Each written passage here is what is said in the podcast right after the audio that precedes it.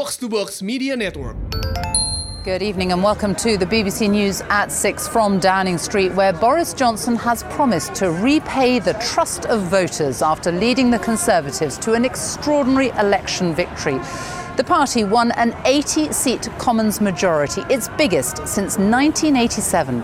The Prime Minister said he hoped his victory would bring closure to the Brexit debate and let the healing begin. But it was a very different night for Labour, the party's worst performance since the 1930s.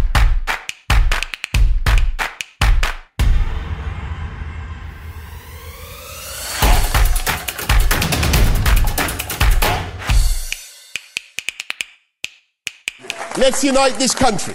Let's spread opportunity to every corner of the UK with superb education, superb infrastructure, and technology. Let's get Brexit done.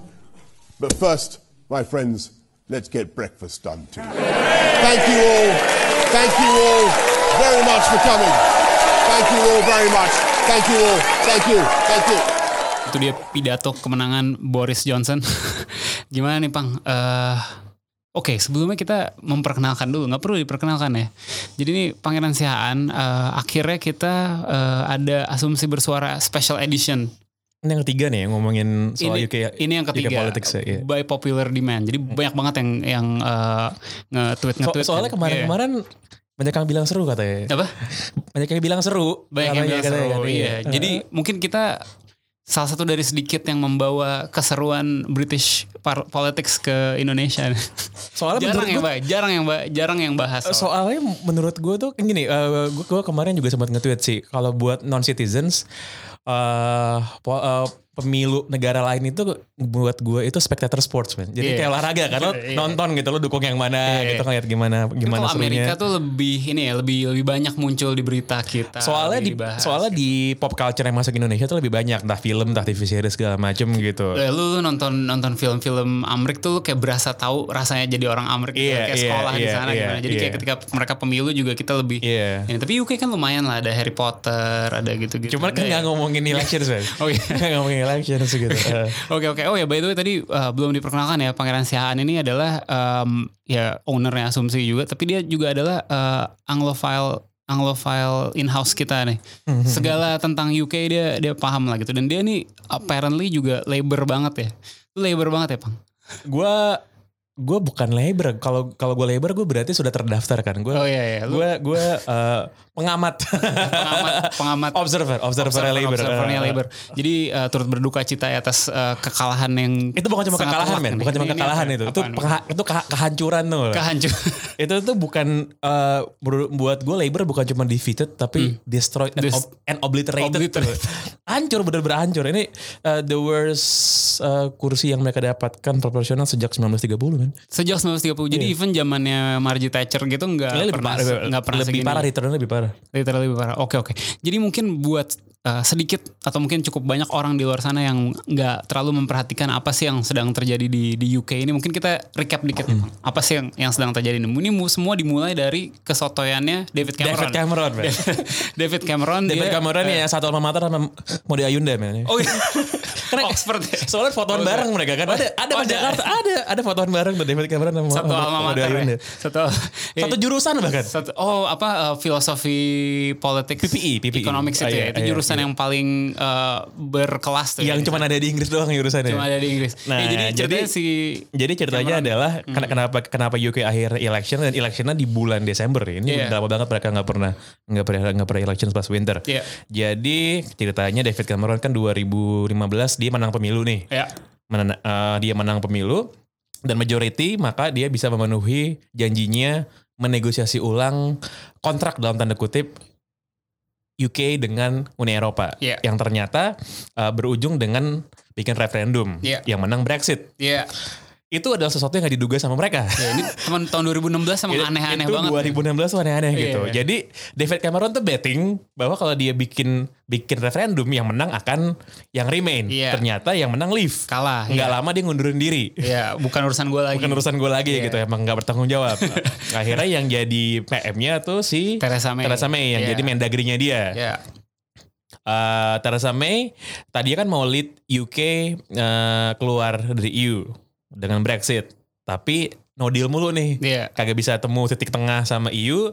2017 bikin elections lah. Iya. Jadi kan sebenarnya eh selain selain tiap lima tahun harus bikin election, enaknya tuh kalau parliamentary sistem adalah kalau lo merasa lo nggak yakin, Hmm. lo merasa lo nggak punya dukungan politik, gue bikin election saja nih. Kalau bener gue nggak punya dukungan, gue cabut. Iya. Kalau gue tambah gede, berarti gue bener dong gitu kan. Pertaruhan lah ya, dia Yes, bertaruh. Iya. yes. 2017 dibikin lagi elections. Iya.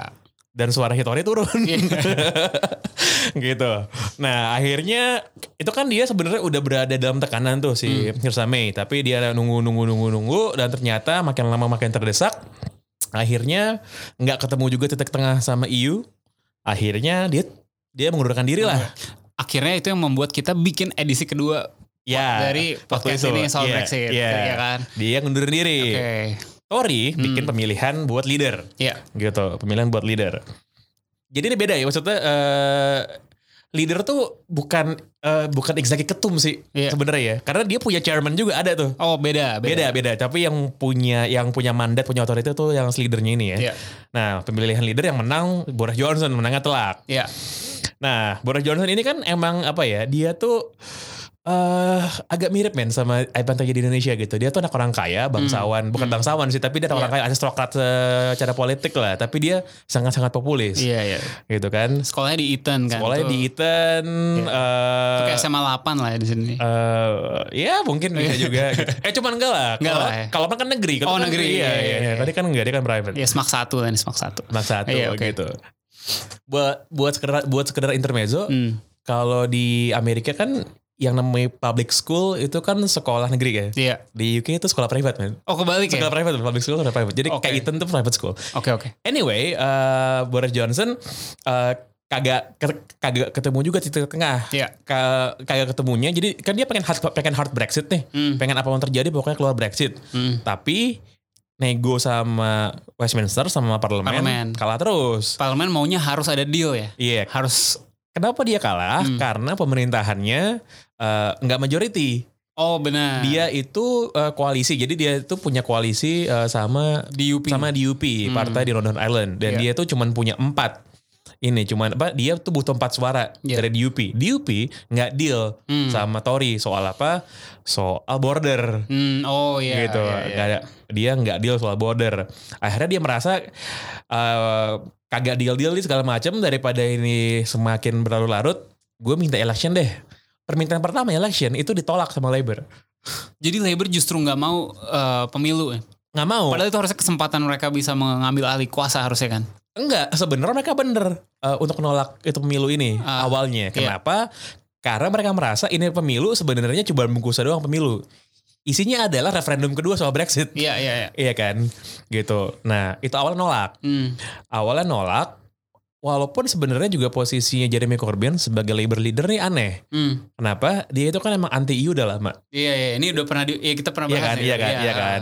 Waktu referendum 2016 dia tuh nggak mau campaign, Win. Iya iya iya. Iya kan segala macem gitu.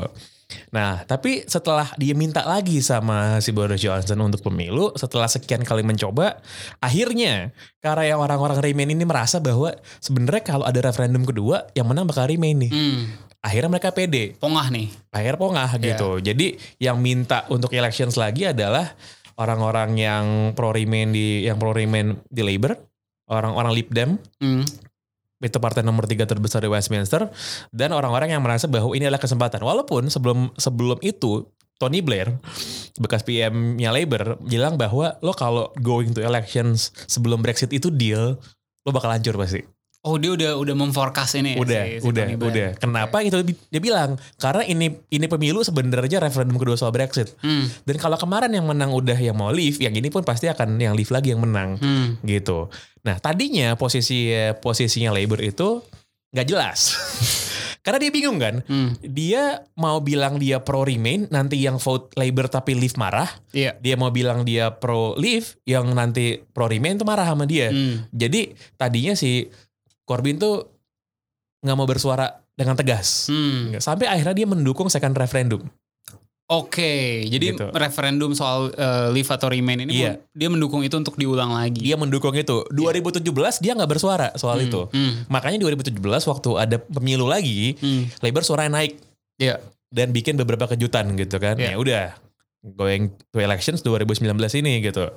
Eh itu tadinya Labor merasa bahwa posisi mereka eh, kuat karena di karena mereka bilang mereka mau second referendum. Hmm. Masih ada sebuah keyakinan bahwa yang mau remain lebih gede kok Iya. daripada yang mau leave. Kemarin itu pas yang pertama orang mau leave tuh karena mereka nggak tahu mereka vote apa gitu, Iya, gitu iya, kan. yang Google searchnya pas abis re- referendum itu kan langsung kayak Iya. banyak tuh. What, Iya. what is Brexit gitu Iya, besoknya iya, gitu iya, kan. iya kan, iya kan gitu Iya. kan gitu. Partai yang mendukung 100% remain adalah itu Lib Dem. Iya. Dem bilang gitu. Nah, udah. Boris Johnson kan tahu nih orangnya walaupun mukanya kayak badut nih orang Iya, pinter buat gue kan. pinter banget Iya, gitu. iya. Nah, dia tuh merasa bahwa oke ini pemilu gue pasti akan menang, telak menangnya. Pasti akan menang telak. Dan benar kan itu yang kejadian. Iya, iya, iya. Itu yang kejadian. Nah, jadi eh, kalau apa namanya? eh kemarin itu tuh sebenarnya eh, kampanyenya kalau dari ini kayaknya juga juga mungkin be- ada beberapa analisa yang bilang ini ala- salah satu alasan kenapa eh, Tory bisa menang mutlak. Karena eh, kalau dari Tory itu kan message kampanyenya jelas kan get get Brexit dan get Brexit dan kayak very clear, very simple gitu. Sementara Labour kan nggak nggak punya stance yang kuat soal ini. Dia malah ngomongin reform-reform di berbagai Dari macam slogan hal gitu. kampanye aja menurut gue di 2019 ini Labor kagak sekeren yang 2017 men. Nah, oh iya. 2017 itu keren banget menurut gue slogannya. For the many, not for the few gitu kan. Keren Oh, itu kan? 2017 ya? For the many, not the few, Keren gitu kan, iya. keren banget gitu programnya. Yang sekarang katro men. Kenapa? Time for real change. Itu kayak basi banget. Basi banget Iya, kan. iya. Eh, nah jadi kan kalau kalau partai UK itu tiap kali mereka mau pemilu mereka pasti bikin manifesto. Iya, manifesto Labour, Manifesto Tory Mau gitu-gitu kan. nih iya. gitu kan. Manifestonya Labour itu radikal banget menurut gue. Hmm, Ya, biasa lah kan namanya juga Labour sosialis Iya. mau kasih banyak banget tuh. iya. Banyak banget hal-hal yang kalau menurut orang-orang konservatif itu fiscally irresponsible gitu Iya, kan. iya. Ya, kan Di mana-mana kasih duit, gitu, kasih iya. segala macam gitu. Yang kemarin salah satu ikon manifestonya yang mereka banyak diomongin adalah mau ngasih free broadband internet ke semua orang Oke. gitu. Free, Free stuff internet. for everyone lah ya. Iya, cuman yang bener-bener yang bener-bener beda tuh itu, yang bener-bener baru tuh itu, mau ngasih free broadband internet ke semua orang. Nah, eh itu sebenarnya manifesto yang populer. Dalam artian bahwa orang setelah bertahun-tahun di bawahnya Tory itu ekonomi susah, eh, segala ma segala macam public spending di cut, Hmm. kan Labour sebenarnya menjanjikan bahwa public spending bakal dibalikin Iya. gitu kan. Nah, di bagian itunya sebenarnya oke banget Hmm. kena gitu. Nah cuman kalau buat gue yang bikin labor hancur itu adalah ya ada berapa hal lah. Menurut gue yang paling telak itu ya soal Brexit. Hmm. Soal posisinya yang cenderung nggak jelas tapi cenderung juga mau eh, cenderung juga mau minta second referendum Hmm. gitu. Yang kedua ya soal Corbyn, Soal Corbyn ini soal menarik. Gitu. Apakah dia terlalu kiri buat Inggris? Sebenarnya bukan soal kiri-kiriannya Ah, gitu, iya. bukan soal kirinya, tapi eh, Corbyn ini kan problematik ya. Hmm. Dia tuh kalau lihat dia punya sejarah yang panjang soal dia tuh deket, dia tuh dulu eh, sangat bersimpati sama IRA Hmm. gitu. IRA ini yang Irlandia apa? yang di yang di OPM-nya Irlandia ya? iya yang di label teroris Iya, bahkan oke, gitu oke, kan. iya. Pengen minta ya pengen minta pengen minta pengen minta United Ireland gitu. Hmm. Eh, dia dekat sama ini apa namanya dia dekat sama Palestina. Dekat sama Hezbollah. Dekat sama Hamas, Hamas, dekat sama. Hezbollah. Iya, iya. Eh, dia mendukung Venezuela gitu-gitu lah Iya, pokoknya iya, kan. Posisi-posisi yang problematik gitu. Nah eh, itu ditambah juga dia ini orangnya gini nih. Ini yang gue paling gak yang gue paling gak setuju sama the so-called progresif gitu ya. Semuanya mau play by the book, play play play by the rules. Kita punya posisi moral yang tinggi, nggak bisa dikompromiin. Jadi Corbyn ini menolak untuk eh, berakrobat kan secara politik Hmm. menolak untuk menyerang lawannya dengan kata-kata yang menurut gue kayak kalau politik Harus gitu. politik harus gitu gitu. Iya. Boris Johnson tuh juara dunia soal gitu kan. Iya dia dia d- apa eh, eh, di Oxford kan dia ketua debat atau apa gitu ya. dia tuh dulu dia tuh dulu anggota Ballington Boys Hmm. Club itu apa ya itu kayak ya klub anak gaul bukan klub anak gaul lah klub cowok-cowok gitu tuh isinya tuh si Boris Johnson, David Cameron Iya, iya, iya. gitu-gitu kan. Nah eh, apa namanya si Corbyn ini kalau lo lihat dia tuh secara secara tutur kata tuh santun banget kan. Iya. sopan eh, nggak mau nyerang lawan kalau lagi PMQ tuh di Westminster yang tiap apa tiap Rabu Iya, itu kan sebenarnya sebuah ajang Prime eh, Minister's Question ya. iya, Itu jadi- harus tonton di YouTube tuh banyak. itu seru banget Iya, soalnya iya, kan iya, oke. Ya, tuh, eh, dia tuh selalu menolak bicara di luar konteks Hmm. gitu Kayak Nah. kan sering ada tuh yang kayak serang-serang personal ada gitu. nah itu dia nggak mau Dia nggak mau. dia nggak mau padahal kan bagi publik awam kesempatan lo untuk menilai kalau lo nggak menyelami lebih dalam soal apa sih janji kampanyenya apa aja nilainya ya soal persona orangnya kan Iya iya iya. gitu di bagian itunya memang Corbyn kurang Hmm. kurang banget gitu di sinilah kalau mau dibandingin dulu Tony Blair soal bagian charmnya ini bagus banget men Hmm.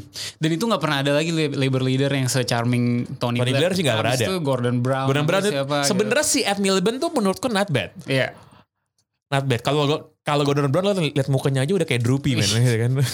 gitu. Nah, jadi itu tadi gue bilang soal Brexit, soal Corbyn juga juga eh, dia charmless. Dan yang ketiga soal ini nih yang menurut gue paling fatal. Eh, posisi po- eh, daerah-daerah tradisional labor, Hmm. daerah-daerah daerah-daerah working class di di utara daerah-daerah yang dulu sebenarnya dihancurin sama Margaret Thatcher tahun 80-an daerah-daerah bekas mining bekas tambang bekas pabrik Iya. yang sebenarnya selama ini tuh given pasti akan dukung labor there's no way mereka mau dukung partai yang hancurin hidup mereka gitu Iya, kan iya. Ini yang the red wall itu ya. Iya, Yang disebut iya. the red wall. Iya. itu itu daerah-daerah yang eh, Tory tidak akan pernah bisa menang dianggap demikian dan Iya. ternyata hancur Hmm. dan ternyata semuanya diambil diambil sama Tory Itu kok bisa? Kenapa kenapa mereka akhirnya Karena mau working classnya merasa bahwa partai yang harusnya merepresentasikan gua Hmm. eh dalam hal ini adalah soal Brexit dan itu kebanyakan daerah yang yang pro leave yang Jadi- mau leave UK eh, jadi- sorry yang mau leave EU Working class di UK ini sangat pro leave jadinya. Lebih berdasarkan hasil referendum 2016 Ah, daerah-daerah utara itu daerah-daerah secara ekonomi hancur Hmm. eh, terbelakang tidak ada pembangunan Iya, iya, iya. itu dukung keluar dari EU semua Oh, terus Gitu. karena dia melihat kalau nilai ini berposisi kagak jelas kagak jelas, sementara Tory jelas mau leave, Iya. udah dia pilih yang Tory. men- gitu. yang penting yang penting yang penting kita mau keluar dulu dari EU. Hmm. Kalau itu berarti adalah kita memberikan suara kita ke partai yang selama ini nganjing-nganjingin kita, bodoh ya amat. so be it gitu. Hmm. Banyak yang bilang bahwa sekarang nih gue lagi minjemin suara gue Hmm. Bang, ke tapi- Tory. Tapi kan eh, yang sebenarnya bal- balik yang tadi sih yang gue penasaran kan sebenarnya banyak orang yang yang mengira bahwa em, apa kalau dilakukan referendum sekali lagi harusnya menang Remain kan. Hmm. Tapi kenapa bisa overwhelmingly menang konservatif di pemilu ini kayak seakan-akan semua orang malah sebenarnya lebih lebih pro Leave gitu. Eh, ada dua hal. Satu memang lift lebih banyak gitu, udah gitu aja. Hmm. Emang sebenarnya Emang lebih banyak. Yang bukan, bukan masalah turnout, Iya, bukan masalah iya, apa. itu ya. satu. Yang kedua adalah soal banyak orang yang merasa di UK, banyak orang yang merasa bahwa kok lo mau mempertanyakan lagi sih itu proses demokrasi yang kemarin udah kita ambil dan udah kita sepakati. Kok kalau lo nggak suka sama hasilnya, kok lo ngulang lagi sih gitu? Hmm. Walaupun dia mungkin sebenarnya pro remain Iya, tapi iya. kayak kemarin kan ya udah the people have Iya gitu, gua- iya iya gitu. Jadi Oh. kayak kok hanya karena lo nggak suka sama hasilnya, lo ulang lagi pemilunya gitu tau gak lo? Hmm, jadi di sana mereka ada ada mental seperti itu ya. Ada ada ada. Bukan yang kayak ya udah kita ulang lagi aja ada gitu. menang gitu. Nah Hmm. itu eh, itu membuat banyak pihak itu nggak nyaman Hmm. dengan apa yang terjadi gitu dan merasa Labor posisinya ambivalen soal itu ya udah Hmm. gue milih gue milih untuk vote Tory gitu banyak kemarin pada waktu daerah ini ya pada waktu kemarin eh, hasil hasil hasil exit poll jadi umumin Hmm. ada daerah yang mana sejak tahun 1935 itu Labor Ben. Tapi sampai tapi kemarin akhirnya namanya. Bishop Auckland di Iya. utara Bishop di Durham Auckland. Bishop Hmm. Auckland itu menang Tory dengan 8.000 majority vote Oke. Jadi bener-bener flip gitu, bener-bener flip. Terus ada juga eh, daerah namanya Bleed Valley yang sejak dibikin konstituensi tahun 50 itu Labor kemarin eh, kemarin milih Tory. Sebenarnya dengan dua daerah ini aja itu udah belok ke Tory itu udah itu udah jadi sebuah sinyal ini pemilu Labor bakal hancur. Kenapa? Iya. Karena daerah-daerah yang tadinya taken, eh, Taken for granted. taken for granted Hmm. untuk Labor itu udah belok Oke. gitu. Nah, yang yang menarik adalah ada satu daerah namanya Workington. Workington itu juga di utara ya. Daerah yang 100 tahun itu Labor man. Hmm. 100 tahun itu dukung Labor. Nah, eh, tim sesnya tim sesnya Tory itu membuat membuat satu model soal jenis eh, jenis voter apa yang harus mereka menangkan. Hmm. Oh, oke Gitu. personanya. ya. Personanya gimana? Iya. Mereka menyebutnya Workington man Hmm. orang-orang dari Workington yaitu orang tua jadi orang orang agak berumur yang milih kemarin leave pada waktu referendum orang-orang utara lah basically Iya. gitu karena kenapa karena orang-orang ini tuh udah capek sama Brexit yang Hmm, berkelanjutan. yang berkelanjutan Iya. ber, ber, ber, ber- Ber- berlarut-larut. larut-larut Iya. gitu Dan di daerah yang dijadikan role modelnya oleh Tory, mereka juga menang gitu dengan 4000 majoritian. Jadi eh, semua daerah targetnya Tory itu diambil semua. Hmm. Dari situ aja kan gini. Jadi sebenarnya eh, kalau hasil penghitungan suara tuh kalau di UK biasanya paling cepat tuh dari utara baru turun ke bawah gitu. Hmm. Nah biasanya di awal-awal kalau penghitungan tuh pasti merah dulu semuanya. Merah tuh labor ya, Merah bukan, tuh labor. bukan Iya. bukan kayak di Amerika. ya? Iya. Jadi di di paling atas paling atas itu dulu merah, baru pas turun ke tengah sama ke bawah itu baru biasa biru Hmm. gitu. Kecuali London. London biru eh, merah. London merah. London tuh ya, merah, ya. London merah gitu. Nah, jadi ada 60 ada sekitar 60-an kursi yang switch. Yang bener-bener Hmm. belok dari konservatif ke Labour. Hmm. Ada sekitar 60-an. Lo tebak ada berapa kursi yang dari Tory bari yang dari biru dari Tory di switch ke Labour? Berapa 50 gitu. Satu. Hah? Cuman satu, Ben. Cuman satu kursi Ah. yang tadinya biru jadi merah di, di Eh sorry, sorry, biru jadi merah tuh maksudnya konservatif jadi liberal. Oh iya, iya, Iya. cuman satu. Oke. Jadi Iya, yang iya, dari yang dari Labour ke konservatif swing gitu ya, Iya. jadi berubah itu ada ada 60 baik. kursi. Eh, maksud oke. iya. Ah. Tapi yang balik cuman satu. Yang dari Labour balik ke yang dari sorry dari konservatif ke Labour switch kemarin pas pemilu cuma satu dan itu kursinya di nih di London Oke. gitu gitu. Wih, eh em, apa apa orang-orang tuh mungkin juga cum, juga lebih kayak ya udah yang penting kelar nih gitu. Kalau misalnya gue pilih gue pilih Rata-rata emang gitu sih. Makanya Bodo amat menurut gue slogannya Tory get Brexit done tuh ya Iya kena straightforward tuh ya? iya on on point banget. Oke, on oke. point banget. Padahal padahal Boris Johnson itu kan itu tuh one of the worst PMs ever sebenarnya. Kenapa? Semua karena kelakuannya. karena Iya. kelakuannya tukang bohong. Tuh eh, kalau orang banyak jadi gini kan orang-orang Jews, orang-orang Yahudi di Inggris tuh merasa nggak aman dengan Corbyn. Nggak, oke karena, dia Karena katanya Corbyn diang- ya. dianggap antisemitik Iya. dan waktu ada waktu ada beberapa anggota Labour yang antisemit dia nggak mau proses dengan tegas Iya. gitu. Si Boris Johnson tuh nggak lebih baik. Hmm, Dia tuh suka ngatain dia dia tuh ngatain Arab, Iya. ngatain Islam, Iya. ngatain orang Afrika, segala macam dikatain sama dia gitu. Nah, cuman apa namanya di di sinilah menurut gue yang namanya persona itu yang yang benar-benar penting dan gimana lo main PR di media gitu. Hmm. Si Corbyn memang buruk banget sih Hmm. dalam hal ini gitu. Dia tuh ditanya berkali-kali. Jadi kemarin ada interview sama Andrew Neil tuh di BBC kalau nggak salah. Dia ditanya, lo mau minta maaf nggak dengan treatmentnya Labour kepada orang-orang Jews? Hmm. Dia tuh dua kali Enggak. dua kali menolak men. Eh, lo gini ya, lo bayangin lo sebagai voter di di di rumah lo lihat dia tawarin kesempatan minta maaf dia nolak gitu kan kayak ya udah gitu. Nah Kayak bodo amat. kayak bodo amat Iya. gitu. Nah hal-hal yang kayak gini kan sangat berpengaruh ke mental voternya Hmm. gitu. Jadi sebenarnya secara secara secara perorangan, secara individual, Boris Johnson tuh nggak lebih baik dibanding Corbyn kelakuannya ya. sama-sama minus sebenarnya. Hmm. Kemarin ada lagi soal gini, Boris Johnson tuh di, ditanya, jadi anak lo berapa? Kenapa dia sampai ditanya gitu? Karena dia karena dia pernah hamilin orang, Oke. gitu, iya. gitu. Nggak, nggak mau jawab men, nggak mau jawab, gitu. eh jadi apa namanya si Boris Johnson kemarin juga ada dia dia tuh suka dodging interview. Hmm.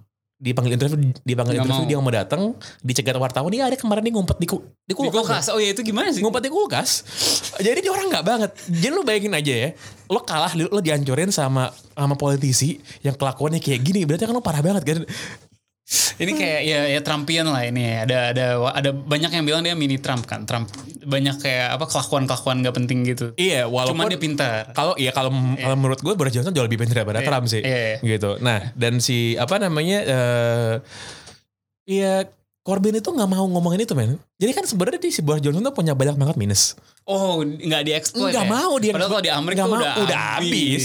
Udah habis. eh, eh, tapi menurut lu ya, Bang? eh, kan kalau janjinya si Boris Johnson ini kan get Brexit dan sampai 31 Januari kalau nggak salah ya, du- 2020 eh, bakal terjadi. Terjadi nggak menurut lu? Eh, jadi gini, Boris Johnson terakhir kali dia megang kursi pertama kali dia megang kursi eksekutif itu kan dia jadi mayor of London. Hmm, wali jadi kota. wali ya? kota London. Hmm. Dan actually dia bagus banget. Oh, actually jadi dia wali bagus. kota. Iya. Dan pas jadi wali kota dia kalem. Dalam artian dia tuh tidak seradikal itu. Hmm. Jadi istilahnya eh, one nation Tory. Hmm. Jadi One Nation adalah ya dia harus bisa nge-treat baik. Bukan cuma pemilihnya dia doang, bukan cuma yang right wing, tapi juga semua orang gitu. Nah, ada beberapa pihak yang menganalisis bahwa ya sebenarnya kan si Boris Johnson ini kan emang emang tukang tikam orang dari belakang kan. Hmm. Gitu kan. Dia nikam David Cameron, dia nikam banyak orang, nikam Hmm. Theresa May. Pihak berikutnya yang akan ditikam sama dia, eh, pihak berikutnya yang akan ditusuk sama Boris Johnson adalah hardline hardline Brexiter. Oh, jadi menurut jadi ini artinya analisa ini artinya kagak bakal terjadi juga. Eh, bakal terjadi. Iya. Tapi kalau pihak-pihak yang merasa bahwa jadi model-model kayak si Jacob Rees-Mogg lo tau kan? Iya, jaga presiden. Yang model-model kayak gitu merasa bahwa dia akan mendapatkan angin, Hmm. bisa jadi mungkin mereka yang akan dihianati berikutnya. Tapi apa tuh si artinya? Johnson. Di, nanti gimana tuh maksudnya? Iya nggak ada hard Brexit. Oh nggak jadi hard Brexit, Nggak jadi. maksudnya tetap tetap soft Brexit, ada Iya, deal ini, iya, deal iya. itu dulu gitu. Iya gitu. Oh oke oke oke. Karena nih orang politisi yang luar biasa men. Mhm. Luar biasa banget. Lihai lah. Eh Pang, ini banyak banget yang nanya ini, jadi udah daripada gue sebutin satu-satu, kita bahas aja langsung Hmm. sekarang Eh, soal Skotlandia. Ini kan em, Skotlandia dan eh, Irlandia Utara itu kan dari zamannya referendum udah sangat eh, bulat suaranya nggak mau Hmm. Brexit. Terus juga kemarin eh, ketika pemilu ini juga di Scotland tuh menang mutlak lah si Partai Nasional Skotlandia nih SNP. SNP ini gitu. Dapat berapa tuh 48 dari 55 suara pokoknya pokoknya mereka menang sweep lah ya di di, di Scotland gitu. Jadi kan orang-orang pada bilang oke ini sebenarnya rakyat Skotlandia nih nggak menginginkan Brexit karena mungkin mereka masih pengen gabung sama EU atau atau gimana dan apakah ini mungkin akan menjadi menjadi jalan buat ada referendum ulang eh, kemerdekaan Skotlandia? Nggak lama abis nggak lama abis eh, kemarin menang pemilu, Boris Johnson di beberapa speech awalnya bilang bahwa nggak bakal ada referendum kedua. langsung, langsung gitu. Dan secara secara legal nggak ada peluang sih untuk Hmm. SNP untuk nge-push soal second referendum. Kenapa? Kan itu harus dapat harus dapat persetujuan parlemen Hmm. Westminster, parlemen di UK. Dan sekarang Tory itu majority. Iya. Eh, karena mereka majority ya mereka akan bilang enggak pasti. Padahal dulu waktu referendum pertamanya Scotland juga Tory majority kan tuh David Cameron juga kan yang Iya. bertaruh menang tapi waktu itu. Waktu itu berlalu menang. Iya. Iya, iya. Nah maksudnya nggak mungkin ada ada peluang itu walaupun kayak sekarang mereka punya 4, 48 orang bisa kayak ngomongin itu aja tiap hari kayak kapan kita perlu referendum jelas-jelas rakyat Skotlandia beda keinginannya dengan sisa kalian orang-orang Inggris. Iya, Gitu. orang-orang yang lain, orang-orang Tory akan bilang ya bodo amat. Lo nggak punya basis untuk nge-push kita gitu. Walaupun bagi orang-orang Scotland akan merasa bahwa eh kalau sekarang referendum lagi, gue gue yakin sih pasti bakal merdeka. Pasti merdeka. Kenapa? Karena bawa-bawa Brexit soalnya. Hmm, karena mereka karena kalau dulu dia keluar dari eh, dia tetap di Inggris ya udah bodo amat tetap Iya. tetap bagian dari EU gitu. Sekarang sekarang enggak gitu. Sekarang kan. iya. Kalau Nah, Nor- karena- kalau kalau Northern Ireland eh, apa nih ininya pandangannya sekarang nih? Eh sebenarnya di UP itu kan sebagai partai nasionalis.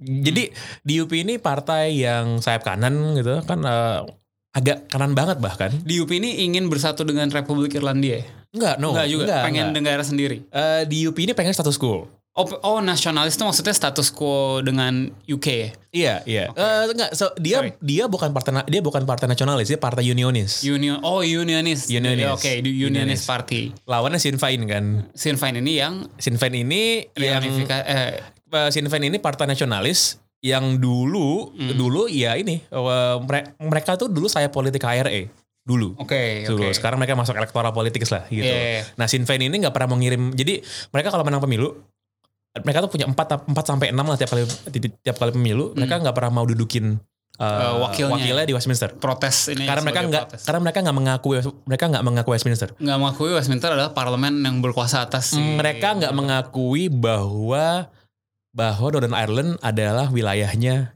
Inggris, wilayahnya UK. terus ngapain ikut pemilu Eh, untuk untuk nunjukin bahwa nih ada orang-orang yang orang-orang mau. yang sepakat sama gue gitu. oh ini menarik nih Gitu, gitu. Sinn Féin selalu gitu. tapi tapi eh, mereka maunya apa nih jadinya si si de- dengan de- dengan pemilu yang sekarang ini nggak akan terjadi apa apa menurut nggak bakal ada Walaupun- nggak bakal ada apa karena kan walaupun gini sekarang kan berarti harus buat buat border kan kalau misalnya hard Brexit artinya benar-benar di Kalau sekarang iya, Utara iya, dan iya. Republik Irlandia itu harus buat perbatasan gitu. dan sekarang di UP kan udah nggak punya posisi tawar karena udah bukan mitra koalisi lagi Oh iya, Iya, gitu. Nah tapi ap- apakah si Boris nih bakal bikin border di situ juga? Eh, menurut gue karena gue melihat sinyalemennya Boris Johnson ini nanti pas dia berkuasa, eh, Hmm. pas dia bukan berkuasa, dia sudah berkuasa. Pada waktu dia akan deal soal Brexit, menurut gue dia tidak akan se ekstrim kemarin. Hmm. Kenapa? Kemarin dia butuh dukungan model-model kayak si Jacob Rees-Mogg Hmm. dan segala macam. Apa nama grupnya? Ya, ERG, European Research Group. Jadi nama grupnya itu, cuman isi right wing semua. Hmm. Eh, kan sekarang dia udah nggak butuh dukungan orang-orang itu lagi. Karena udah menang. Ka- karena udah majority udah ya kan, majority, iya. udah majority gitu. Dan orang-orang Tory yang tadinya pro Remain, yang tadi rebel, kan udah dikikik semua sama dia keluar. iya. Jadi eh, buat gue Boris Johnson sih akan akan lebih sedikit lebih moderat lah pada saat ego nanti. Tapi emang EU-nya masih mau nego sama dia? Kem- eh, kemarin waktu Hmm. Boris Johnson menang itu pounds naik men harganya. Oke. P- Pounds naik, semua orang di Eropa kontinental tuh langsung melepas napas lega gitu. Kenapa? Karena akhirnya nih proses kelar. Udah gitu. Mau dia hard Brexit mau ke bodo amat kita bodo Oh. Amat. ada kan? ada kepastian lah ya. Ada Iya. kepastian nih bakal Brexit. Sebenarnya kan kalau buat kalau buat EU kan they have nothing to lose. Yang sebenarnya punya banyak urusan itu kan Inggris, Inggris, kan. iya. Jadi kalau buat EU ya kalau mau keluar hard Brexit ya bodo amat keluar aja sana gitu kan. Hmm. Gitu. Jadi nah tet- dia kan mereka sebel nih gara-gara UK banyak maunya kan. Iya. Lo lo mau keluar tapi lo minta lo, lo minta tetap di custom union, lo sempat minta freedom of movement gitu-gitu kan. Ya udah kalau dia mau hard Brexit keluar aja sana bodo amat gitu gitu. Hmm. Nah akhirnya mereka lega makanya. Hmm. Karena ini semua akan kelar nih urusan yang udah berbulan bertahun-tahun bahkan akan kelar. Oke, Gitu. oke, oke. Eh, eh, kalau kemarin soal si si Nigel Farage, nih. Ini kan ini juga dia kan juga salah satu eh, Brexiters awal-awal gitu. Terus dia sekarang punya Brexit Party kan, Hmm. Brexit Party. Tapi kemarin eh, akhirnya memutuskan terakhir-terakhir nih bahwa mereka hanya akan majuin calon di daerah-daerah di mana incumbentnya petahanannya tuh bukan orang Tory kan. Oh, Dan bukan ini- itu sebenarnya. eh, Jadi di- mereka akan maju, mereka tidak akan majuin calon di tempat di mana di eh, istilahnya marginal seatnya Hmm. Di mana eh, peluangnya Tory untuk kalah gede atau peluangnya Labour untuk kalah gede. Jadi dia nggak memecah suara. Hmm. Oh, Itu namanya tactical voting. Iya, iya. Tactical voting. Akhirnya dia nggak dapat suara sama nggak dapat kursi sama sekali nih si si Enggak, dia tetap- Party enggak sama sekali enggak. Ada ada pengaruhnya nggak keputusan ini terhadap hasilnya? Putusan apa nih? Keputusannya dia dia hanya akan kontes di daerah-daerah yang kayak gitu. Oh enggak sih, sebenarnya enggak. Nggak ngaruh ya? Sebenarnya sih nggak ngaruh. Eh, jadi kalau si Nigel Farage ini dengan gini lah apa namanya, eh gue sih menganggap si Farage sih sebagai individual, sebagai human being tuh nggak banget gitu ya kelakuannya. Cuman ada satu isu yang menurut gue so- eh, valid untuk dia perjuangkan, yaitu soal dia tuh dari dulu teriakin soal reformasi sistem elektoralnya, eh, sistem elektoral UK Hmm. dia merasa bahwa sistem first past the post ini di mana uh, menang uh, pihak yang dapat suara paling banyak di suatu konstituensi itu akan mendapatkan Kursi. kursi. Ini nggak pakai nggak pakai apa run off kayak kayak kalau di Indonesia kan lima lima capres terus Enggak, juara enggak. satu juara dua akan Nggak, maju iya, lagi. nggak. Di sana nggak ada kan? Di sana nggak ada dan uh, ini kayak gimana ngaruhnya karena ini kan sebenarnya bukan bukan perkara soal ini kan bukan perkara soal apa namanya real vote-nya. Hmm. Karena secara real vote si Brexit Party ini gede suaranya. Iya. Brexit Party gede tapi nggak dapat kursi satu pun. Ada satu ada satu konstituensi di mana Labour dapat 33, Brexit dapat 30. Oke. Tory di bawahnya Iya. gitu. Tapi si Brexit. Party nggak dapat apa-apa, Iya, udah iya. nggak dapat apa-apa. Bahkan di beberapa di beberapa konstituensi ada eh, beberapa fenomena Labour diselamatkan sama Brexit Party secara nggak langsung. Karena dia memecah suaranya konservatif. Yes, karena mencari suaranya Tory. Oh, itulah Gitu. mena- itulah kenapa dia nggak mau naruh di daerah-daerah yang riskan ya. Iya, iya. Ah, Nah sebaliknya sebelum pemilu itu Lib Dem, hmm. Lib Dem itu eh, dan Labour sampai si leader Lib Dem itu si Joe Swinson waktu itu bilang bahwa kalau ada daerah-daerah di mana peluangnya Labour untuk lebih untuk menang lebih gede atau peluangnya Lib Dem lebih gede untuk bisa ngalahin Tory, lo dukung yang lebih mungkin menang aja. Hmm. Tapi nggak pernah ada verbal, sorry nggak pernah ada pernah ada nggak pernah gitu. ada official agreement. Hmm. Karena kalau official ya lo tarik calon. Iya, iya, Iya itu kan? kayak si, Iya si kan? Brexit Iya kan? Ini. Iya. Nah sebenarnya si emang sih itu si apa namanya eh, first past the post system ini kan biasanya di mana-mana yang pakai sistem kayak gitu ujung-ujungnya partainya jadi cuma dua aja. Iya, iya. Karena ya, ya udah akhirnya yang lebih berkuasa menang gitu kan. Eh, ada kemungkinan nggak tuh di diganti dengan model kayak misalnya apa sih rank choice atau yang kayak Eh, ya gak bakal ada. ya? selama selama Ya itu kan selalu terjadi dalam politik mana pun ya. Selama selama pihak berkuasa diuntungkan dengan status quo, kenapa harus berubah? Iya sih. Iya kan? Iya sih. Selalu seperti itu. Nah, yang lucu adalah kayak ada satu daerah di di London namanya Kensington. Hmm. Ini daerah yang sebenarnya lumayan well off lah Iya. dari Kensington Palace kan lu tahu kan pernah dengar. Hmm. 2017 itu daerah tiba-tiba berubah jadi Labour. Karena abis ada Grenfell Tower lu tahu lu Oh, pernah Grenfell Tower? iya, iya, Yang tempat yang kebakar ya? Iya, kebakar. Itu Iya. daerah tiba-tiba flip Hmm, dari Tory ke Labour. Nah, waktu kemarin pemilu lagi itu kursi balik balik ke Tory. ke Tory. Tapi sebenarnya suaranya Labour dan suaranya Lib dan kalau dijumlahin tuh ngalahin Tory. Nah, Ya Labour marah-marah dong, ya kan? iya, Iya kan? Kenapa? Ini sama aja kayak orang yang nyalahin orang yang milih partai kecil gitu kan? Iya, Atau- iya, iya atau- gitu. Eh, oke oke. Gitu. Eh, eh, terakhir terakhir dari gue nih sebelum ke Q&A ya. Eh, menurut lu ini ada pengaruh ke kan lagi lagi rame juga di Amerika kan soal nominasi apa eh, primary Demokrat nih kan calonnya ada eh, kalau yang tengah-tengah kan Joe Biden yang kiri banget tuh Bernie Sanders. Mungkin gak ini ngaruh ke situ as in kayak orang-orang jadi mikir lagi kalau misalnya mau milih Sanders misalnya yang terjadi sama kayak yang di UK ini kan kan Sanders sama Corbyn nih rada-rada paralel lah gitu kan saling mendukung saling ini lu lu melihat hal guys? ini ini ini memang kemarin bahkan beberapa jam habis exit poll keluar tuh langsung banyak lah orang-orang yang nulis bahwa ini adalah sebuah presiden buruk bagi Sanders bagi Warren Hmm, kalau iya. kalau di- kalau di US. Cuman eh, buat gua bukan cuman sekedar soal posisi politik ya, tapi ini masalah soal artikulasi si working class ini sih sebagai pemilih terbesar. Menurut gua kesalahannya kesalahan Corbyn, kesalahan Labour Party dan menurut gua orang-orang progresif di mana-mana hmm, adalah merasa bahwa mereka adalah perwakilan suara dari kelas-kelas pekerja, hmm, dari kelas-kelas yang termarginalkan, iya tapi yang yang harusnya mereka wakili malah nggak merasa mereka mewakili mereka. Hmm. Iya kan? Iya. Gitu kan. Iya kan jadi aneh bahwa Labor Party dari namanya udah, udah Labor Party Buruh, gitu ya. kan, buruh kelas pekerja, ternyata kelas pekerjanya nggak merasa bahwa mereka diwakili sama Hmm. Labor Party. iya Nah, eh, buat gue sih sebenarnya masalah artikulasi eh, politik ini, buat gue Sanders le- eh, masih lebih oke dibandingin si Corbyn dibandingin Corbyn hmm, gitu. Eh, pelu- menurut gue the only the, eh, the only candidate yang mungkin bisa ngalahin Trump menurut gue cuma Sanders. Andrew Yang gue Andrew Yang gue sih akan akan gue sih akan sangat senang ya kalau tiba-tiba dia yang menang ya ternyata gitu ya. Kalau yang maju Joe Biden menurut gue Trump menang lagi udah Boleh. gitu aja gitu. Iya, iya, gitu. oke, oke. Gitu sih. Eh, satu lagi adalah soal ini sih, soal eh, yang tadi belum kita bahas soal runtuhnya runtuhnya kelas identity. runtuhnya kelas identity di Yes. di UK Di mana-mana sih Oh, di sebenarnya. mana-mana. Di mana-mana sih. Gini deh. How do you define kelas pekerja gitu? hmm. Ya kan? Kan kalau dulu waktu zaman-zaman manufaktur industrial kelas pekerja ya buruh udah Iya, gitu iya, aja iya, kan. iya. yang kerja di pabrik Iya kerja di pabrik Kerja- gitu. kerja. Nah setelah lingkungan kerjanya nggak ada, Hmm. terus orang yang orang yang mengidentifikasi diri sebagai kelas pekerja, sebagai buruh tuh yang mana? Working class tuh yang mana gitu? Hmm. Yang mana? kelas menengah kelas menengah ngehe Gitu. kelas pekerja nggak Eh, jadi eh, apa namanya?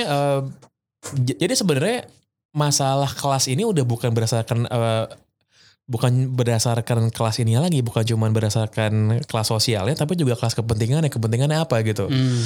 Lah itulah menurut gue diartikulasikan dengan baik oleh si Trump Iya, iya, iya. gitu. iya, iya. Trump kan nggak ada pekerjaan-pekerjaan sama sekali kan, iya kan? Iya. Cuma dia kan mewakili keresahannya. Ini kan masalah artikulasi tadi itu kan. Iya, iya, iya. Nah exactly menurut gue. Nah menurut gue dalam hal itu artikulasi politiknya Sanders ah sedikit lebih baik lah Daripada si Jeremy Corbyn. dibanding Corbyn gitu. Oke, oke. Oke, ini udah berapa? 40 menit? Bebas. 40 menit. Kita eh, lanjut ke pertanyaan-pertanyaan netizen aja.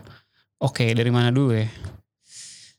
Oke, dari at eh YN Amir. Kenapa sejak Tony Blair kelihatannya Labour semakin tidak bergigi bahkan di isu yang sangat sensitif se- seperti eh, make Brexit dan gini gitu. Eh, Labour itu kan gini, eh, setelah Tony Blair, se- Tony Blair tuh menang pemilu tahun 97. Iya, udah lama banget nih. Terakhir kali Labour menang pemilu sebelum Tony Blair tuh tahun 70-an, men. Hmm. 73. Jadi mereka udah berpuluh-puluh tahun gak pernah menang. Iya. Apa yang dilakukan sama Tony Blair, gue gak sepenuhnya setuju. Cuman apa yang dilakukan sama Tony Blair adalah dia narik Labour ke tengah. Hmm. Maka nama New Labour. Iya. New Labour dan untuk pertama kalinya Tony Blair waktu tahun itu tahun 97 menghapuskan program nasionalisasi dari manifestonya Labour. Oh, oke Gitu. oke oke. Jadi dia bisa merangkul semua orang. Hmm. Walaupun pemilih-pemilih tradisional Labour tuh marah kan. Iya. Gara-gara ading Tony Blair tuh gak ada Labour-Labour sama sekali sebenarnya. Gitu. Nah cuman dia menang pemilu 97 tuh landslide. Iya.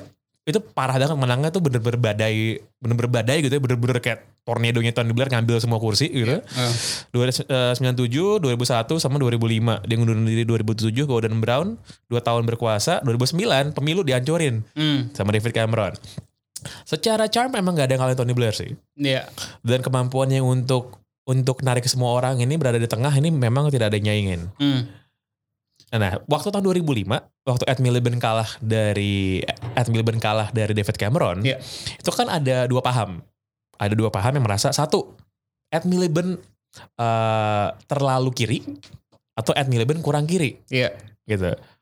Si Ed Miliband itu kan anaknya Ralph Miliband ini kayak one of the ini ya one of the most famous Marxist theorist di di Inggris gitu. Hmm. Eh, dia merasa bahwa ah nih Ed Miliband terlalu ke tengah nih kurang kiri ayo kita milih yang kiri Hmm. pilihlah si Corbyn. Jeremy Corbyn gitu nah gue tidak merasa bahwa Corbyn kalah gara-gara dia terlalu kiri sih Tapi karena kurang charming aja. karena menurut gue eh, satu dia gagal mengartikulasikan Brexit Iya. dua dia gagal mengartikulasikan kepentingan-kepentingannya Hmm. pemilih tradisionalnya Labour Hmm. dan lain sebagainya gitu.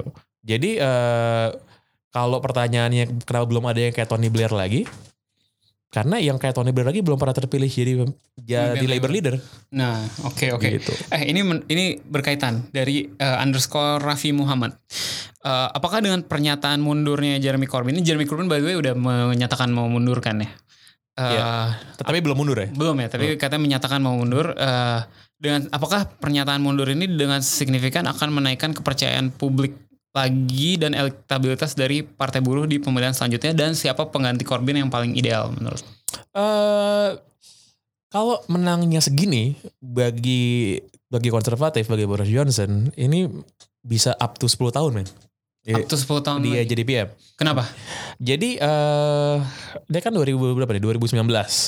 Kalau fixed term parliament act berarti baru ada 2000 eh, 2024 baru jadwal pemilu lagi Oke ya. gitu. Hmm.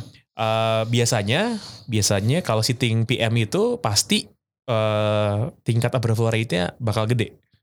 Pasti. Jadi mungkin minimal bisa dua term. Hmm. Nah, apakah kalau kalau Corbyn turun akan akan menaikkan menaikkan nilainya Labour lagi sih menurut gua nggak serta merta sih Hmm.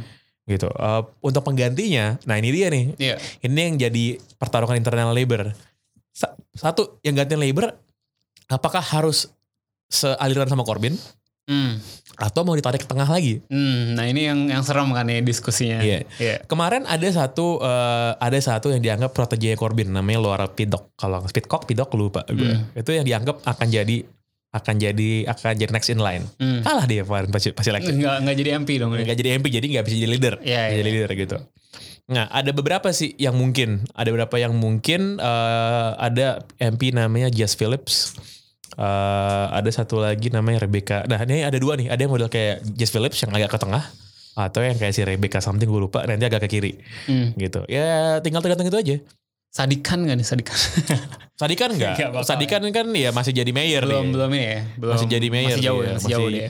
masih jauh masih jauh Oke, ini eh, bukan pertanyaan tapi ini eh, hot take, hot take dari at Faris ZSS. Wah ini bahasa Inggris nih, nggak apa ya? Hmm. This definitely has not has less to do with socialism, but more with media attacks on Corbyn uh, or personal faults of his. Um, karena katanya data dari exit polls ini bilang bahwa policy-policynya Labour ini uh, lebih populer gitu. exactly ya. Uh, apa uh, dan juga katanya kayak um, Boris Johnson nih di in his victory speech was more mon, uh, set more money for NHS dan NHS ini juga salah satu top priorities uh, for voters gitu. Menurut lu um, menurut lu lebih karena apa po- uh, ya lebih karena Brexitnya aja ya? Menurut gua karena karena Labour handling Brexit very poorly sih. Hmm. Kalau menurut gua. Kalau soal apakah lebih populer manifestonya Labour, menurut gua iya. Iya. Eh, 2017 dengan suaranya Labour naik Hmm. di bawahnya Corbyn itu sebenarnya narik narik eh, Tory agak ke tengah sebenarnya. Hmm. Dia mau komit lebih banyak public spending, Iya. gitu segala macam kan. Eh sebenarnya Tory itu lebih kiri dari Demokrat di Amerika, apa enggak? Lebih kiri dari Republikan udah pasti. Oh ya, of course. Ya Boris Johnson kalau di Amerika sih nggak mungkin dia Republikan sih kelakuannya Iya, kayak iya, gitu iya, iya. nggak mungkin kan. Eh So, ham- mereka hampir pro- semua Tory menurut gua, hampir semua Tory Iya. di Amerika tuh liberal pasti. Pasti Demokrat ya. Soalnya mereka kan semua juga pro NHS kan. Pro Soalnya NHS. Pro BPJS kesehatan iya, dia. iya. Itu kan salah satu the salah satu the one of the greatest things ever buat orang Inggris sebenarnya NHS. Dan itu yang juga jadi bahan kampanyenya dia ketika uh, remain atau leave kan. Kayak ini Iya. duitnya daripada buat EU mendingan buat Iya. NHS. Yang Iya. nggak ada juga Iya, akhirnya duitnya. iya. Oke oke. Eh, dari mana lagi nih ya? Dari Ed Gerald VDM. Dari statistik usia pemilih, Labour unggul di generasi muda. Apakah berarti masa depan UK bakal condong ke kiri atau bisa berubah juga? Ini tadi sempat gua bahas sama Ray sebelum kita mulai recording. Iya. Eh, itu enggak serta merta demikian. Itu cuma akan ngaruh kalau sistem pemilunya itu direct voting. Hmm. Gitu one man one vote yang paling banyak suaranya menang gitu kan. Kan karena sistem pemilunya distrik udah gitu first past eh, first past the post berarti nggak serta merta gitu. Iya kalau ternyata yang milih suara gini. Itu Labour menang banyak di London Ya. sama di kota-kota universitas Oke. yang memang banyak anak mudanya. Iya, iya. Di di daerah-daerah yang lebih banyak orang tuanya, Hmm. yang menang itu ya Tory. Hmm. Jadi nggak serta merta gitu. Karena lo harus nge, harus ngebagi bukan cuma berdasarkan umur, tapi berdasarkan proporsi umurnya tuh ada di, Di mana, aja, di daerah mana Oh, aja iya, gitu. iya, iya. Dan biasanya juga orang semakin tua kan dia semakin kapitalis. Sebenarnya gini, se- dia udah bayar pajak, semakin se- ini kan makin enggak, kalau Enggak ya? kalau menurut gue itu nggak itu nggak berlaku kalau itu nggak berlaku kalau di UK. Kenapa? Oke, ha. Eh, dan di itu sebenarnya nggak berlaku di kontinental Eropa juga sih menurut Oke, gue. Kalau kalau kalau di Amerika mungkin iya. Iya. Kalau di Amerika mungkin iya. Kenapa? Karena memang social security sama public spending kan di hampir semua negara Eropa tuh tinggi banget Iya, sebenarnya betul, kan, betul. tinggi banget. Hmm. Nah, eh, tempat-tempat di daerah-daerah di daerah-daerah utara Inggris itu, Hmm. itu kan daerah-daerah yang sebenarnya butuh public spending lebih gede. Hmm. Dan lo tau nggak apa janjinya lo? Gue tadi baru baca nih, Boris Johnson komit spending gila-gila di Northern, Di North di justru. North. Iya. Karena kenapa? Karena dia merasa ya udah nih udah milih gue, gue mau keep ini di next election, ya gue spending gede dong situ. Oh, Gitu. nggak bener nih sebenarnya harusnya. Emang bener ya harusnya gini emang. cara- Harusnya emang gitu, harusnya, emang gitu, harusnya emang gitu. Cuma kan selama ini mereka merasa gue spending itu di sana pun gue nggak dapat apa-apa. Ini kan kayak kayak zaman Orba dulu lu biasa nggak milih Golkar lu nggak dikasih dana lu besok. Iya kurang lebih gitu Kurang kan, lebih kurang gitu. lebih gitu kan. Ya lo kalau lihat gini deh, eh, lo mungkin nggak punya gambaran eh, orang-orang yang mungkin belum pernah iseng gitu ya. Kalau kayak gue kan iseng pernah jalan-jalan ke daerah-daerah yang harusnya lo jalanin gitu Hmm. Iya, di Inggris iya, iya. Itu emang itu, itu emang miskin banget. Ben. Emang bagus sih gitu kan pemandangannya bagus emang. Iya, iya, iya. Tapi menurut gue ya sama Manggarai emang menurut gue sama-sama aja sih. Oh Cara- Manggarai yang di asumsi distrik ini. Iya, iya. Silahkan di, Gitu. ditonton. Heeh. Oke ini dari oh dari at podcast Hydran ini kayak podcast lain. Apakah isu yang paling santer dibahas selain Brexit dan apakah apakah isu yang paling santer dibahas selain Brexit dan rasisme di pemilihan umum di sana? Apakah sekeras di Indonesia gerakan akar rumputnya? Rasisme emang di, emang rame ya? Enggak kan? ya? Enggak. Eh, kemarin selain Brexit sebenarnya soal NHS. NHS. Nah. Kan kampanyenya Labour itu attack bilang bahwa kalau Boris Johnson menang dia bakal jual NHS ke Amerika. Oh, iya. Iya kayak kan? itu narasinya gitu banget kan lu Iya. kalau apa eh, Boris menang lu bakal kayak di Amerika deh lu kalau sakit jangan panggil ambulans pakai Uber aja gitu. iya iya iya iya, kayak gitu. Soalnya Iya. kemarin ke- nah gini dia kemarin tuh Labour si si Corbyn pas kampanye tuh sempet se- sempet bilang gua dapat dokumen yang bilang bahwa Boris Johnson berencana untuk ngejual NHS ke Amerika lewat deal trade-nya dia sama Trump Hmm. gitu-gitu. Nah menurut gue itu kan bahan kampanye yang lo kalau mau mongering gitu ya. Iya, iya. Enak, iya, tapi itu nggak nggak dikapitalize Iya. gitu. Nggak dikapitalize. Jadi selain Brexit tuh isu yang gedenya itu soal ini sih. Isunya soal NHS. Oke, oke. Um, at Farah Sabian, by any chance Boris would give Farage a slice of the cake for his work? Of course not. Brexit? Of Gak course bakal. not. ya? Of course not. Gak no. bakal. Oh, no, no. Oke, oke. Karena gini, karena eh, satu ngapain dia ngasih ke Nigel Farage? Farage nggak punya ada untungnya juga ya. apa-apa. Iya. Gitu. Dan si Farage kan pengen reform ini electoral system ya. Iya. Ngapain ya? Padahal dia lagi lagi happy happynya nih. And for gini ya, si Farage itu nggak pernah sitting di Westminster. Hmm. Dia itu cuman akan dia itu cuman punya kursi Di Eropa. Di Brussels. Di Brussels ya. Iya, makanya dia suka dicengin sama Uni Eropa kan. Lo tuh kita gaji ngapain lo mau keluar dari sini gitu kan. Waktu dia waktu nanti benar Brexit dia basically nggak punya kursi apa-apa. Hmm. Dia sekarang masih sitting, Masih sitting MEP. MEP ya. MEP ya. Oke oke. Eh bentar mana lagi? Ini tadi kita sempat bahas dikit tapi mungkin bisa lebih dalam nih. At RHS Maulana, RHZ Maulana. Most of the time Corbyn selalu half stance tentang Brexit. Dia selalu bilang mau referendum ulang with remain as an option, tapi dia nggak pernah jelasin stance dia di mana. If let's say Corbyn explicitly stated Labour stance ada di mana, apakah hasilnya akan berbeda menurut? Gua hasil akan berbeda dan Labour nggak bakal hancur. Labour nggak bakal hancur. Oke. Segini, eh, sebenarnya nggak ada skenario di mana Labour menang pemilu tuh nggak ada. Nggak ada skenario itu sama sekali. Minimal minimal nggak separah ini lah. Nggak, sebenarnya skenario ini adalah hang parlemen, Hmm. hang parlemen, pa- atau yang penting Tory nggak majority. Kayak Sebe- kayak sebelumnya. Sebenarnya itu, iya. Hmm. Nah, eh, Corbyn itu secara secara personal dia pengennya leave emang dari dia tuh udah bertahun-tahun Iya, bahkan iya, sebelum ada isu Brexit dia udah pengen Brexit sebenarnya kan. Hmm. Cuman eh, banyak orang internal Labour yang bilang bahwa enggak kita ini pro Eropa sebenarnya kita remain segala macam kan sampai berantem Hmm. sampai sampai berantem dan banyak orang yang leave Labour juga. Hmm. Itu ada satu tuh siapa namanya Cuka Umumna atau enggak? Nggak tahu. Jadi dia, dia Gue nggak setahu itu pang. si si siapa Cuka ini tuh lumayan lumayan terkenal. Iya. Lumayan terkenal. Eh, dia tuh apa ya? Dia keturunan Pakistan. Hmm. Eh, dia tuh pernah dianggap sebagai next calon ini, calon leader. Hmm. Dia merasa bahwa Labournya Corbyn terlalu kiri, sementara dia santris. Akhirnya dia eh, dan dia merasa harusnya dukung secara solid dukung eh, untuk pro Remain. Hmm. Akhirnya dia keluar. Hmm. Dia keluar dari Labour, keluar dari Westminster, bikin partai baru, dia keluar lagi dari partainya. Dia- kemarin dia maju di Lib Dem. Oke. Dia maju di Lib Dem dan dan dia kalah. Hmm. Dia kalah. Jadi eh, poin yang bilang bahwa Labour terlalu eh, Labour harusnya lebih tengah itu nggak bener juga. Hmm. Karena yang tengah-tengah ancur semua juga kemarin. Iya iya iya. Dan orang-orang internal Labour yang merasa bahwa harusnya kita remain ini sih sebenarnya yang bikin Labour posisinya jadi nggak jelas. Iya. Oke, dari at We3. Hai Kak, menurut Kakak kekalahan Labor ini eh, ada faktor eh, kurang lebih 15 juta orang yang golput nggak? Oh ini masih nih, mem- memblame golput ada juga ya?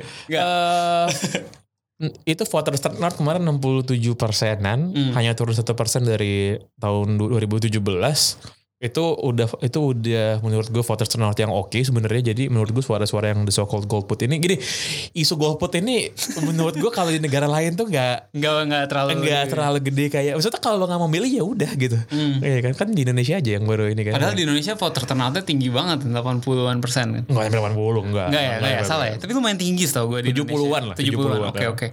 Bentar, ada lagi nggak ya? At Rabanirki.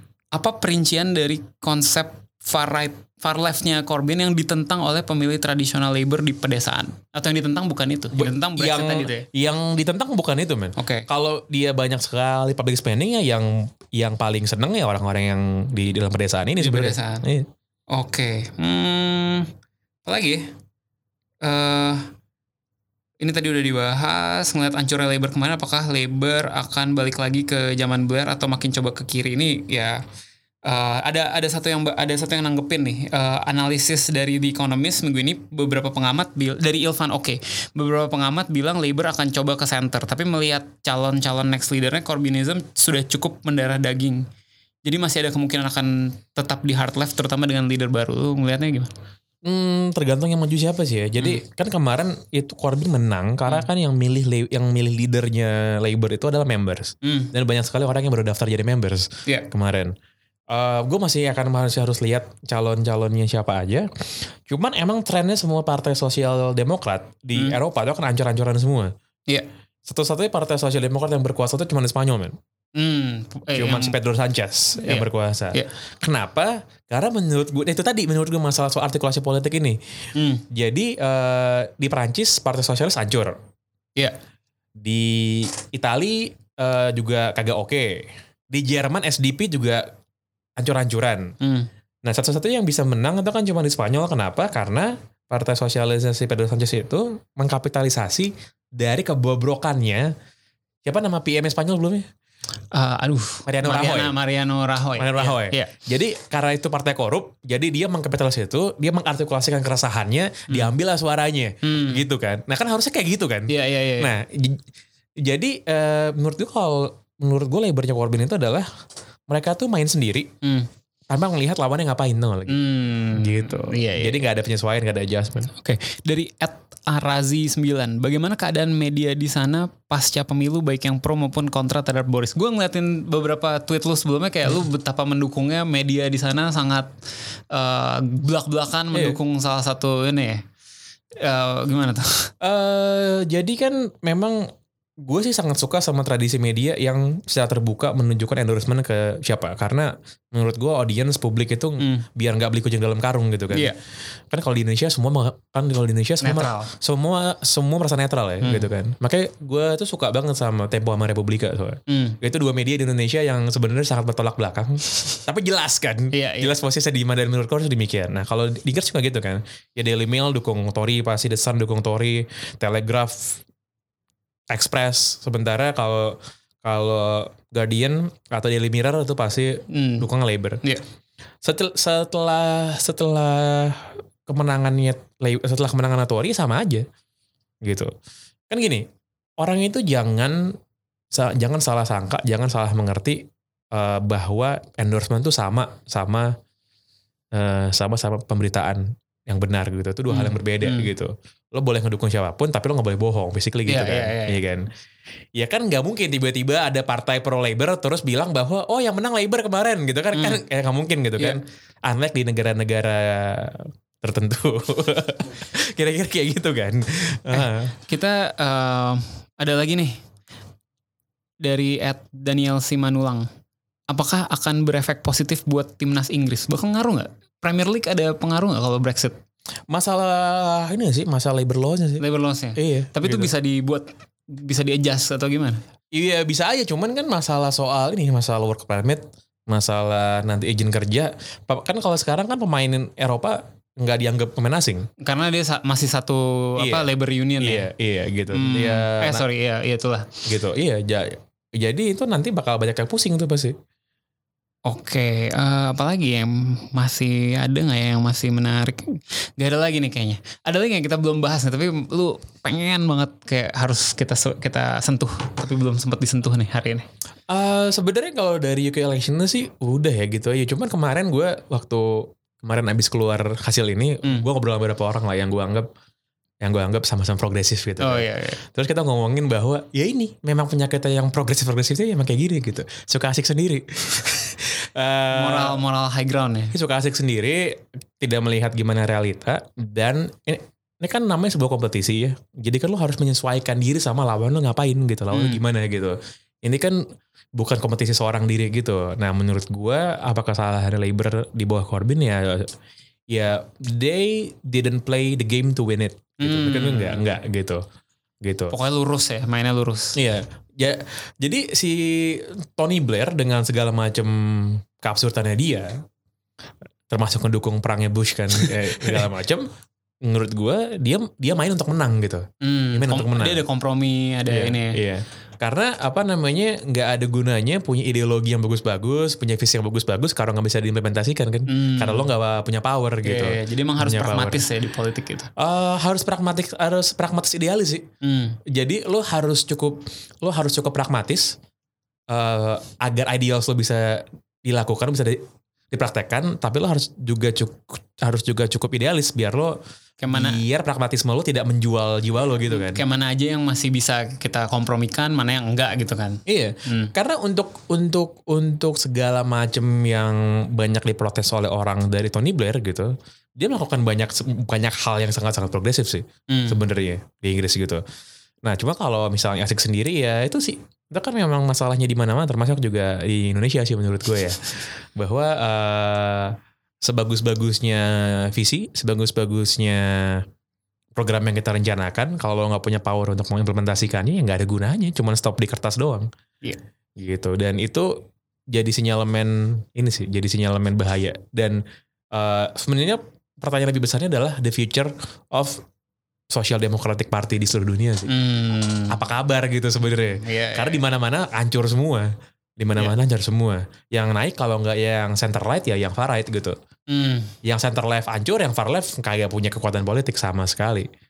Gitu. gitu. guys. Kita tinggal nungguin aja sih tahun depan gimana nih US election. US election. Nanti kita bikin edisi spesial juga. Primary sih ini yang. Primaries. Iya, iya, Yes, iya, yes, iya, yes. iya. Yang geng gue, yang geng 2020. Oke. Eh, eh, moga-moga ini udah menjawab eh, apa dahaga eh, netizen akan eh, analisis Brexit dari lu nih, Pang. Ya gue gue berharap dan gue agak yakin sih bahwa ini tontonan kita soal Boris Johnson ini belum kelar. Belum kelar. Menurut gue nih orang sekarang punya power yang besar sekali, punya mandat yang besar sekali juga. Iya. Ini pasti akan seru nih. Iya, kayak gue udah sempat bilang sih, ini kalau misalnya apa Brexit yang nggak jadi-jadi, kita tiga bulan sekali bikin edisi Brexit. Iya iya iya. Kayak jadi nggak nih? Jadi nggak nih? Eh, iya, dan yang menarik adalah apa yang akan dilakukan oleh voters-voters Satori ketika Boris Johnson ternyata nggak dapetin janji. Nah, Ah, iya kan? sementara masih ada lima tahun lagi waktu Iya. sampai ada pemi- pemilu lagi harusnya kan. Iya, iya. iya. Oke. Itu aja eh, edisi hari ini kita minggu-minggu bela-belain nih demi Iya. demi memberikan konten yang eh, untuk kalian. Jangan lupa follow Asumsiko, follow Box to Box ID, follow Pangeran Siaan. Kita ketemu lagi hari eh, Selasa ya. Ciao.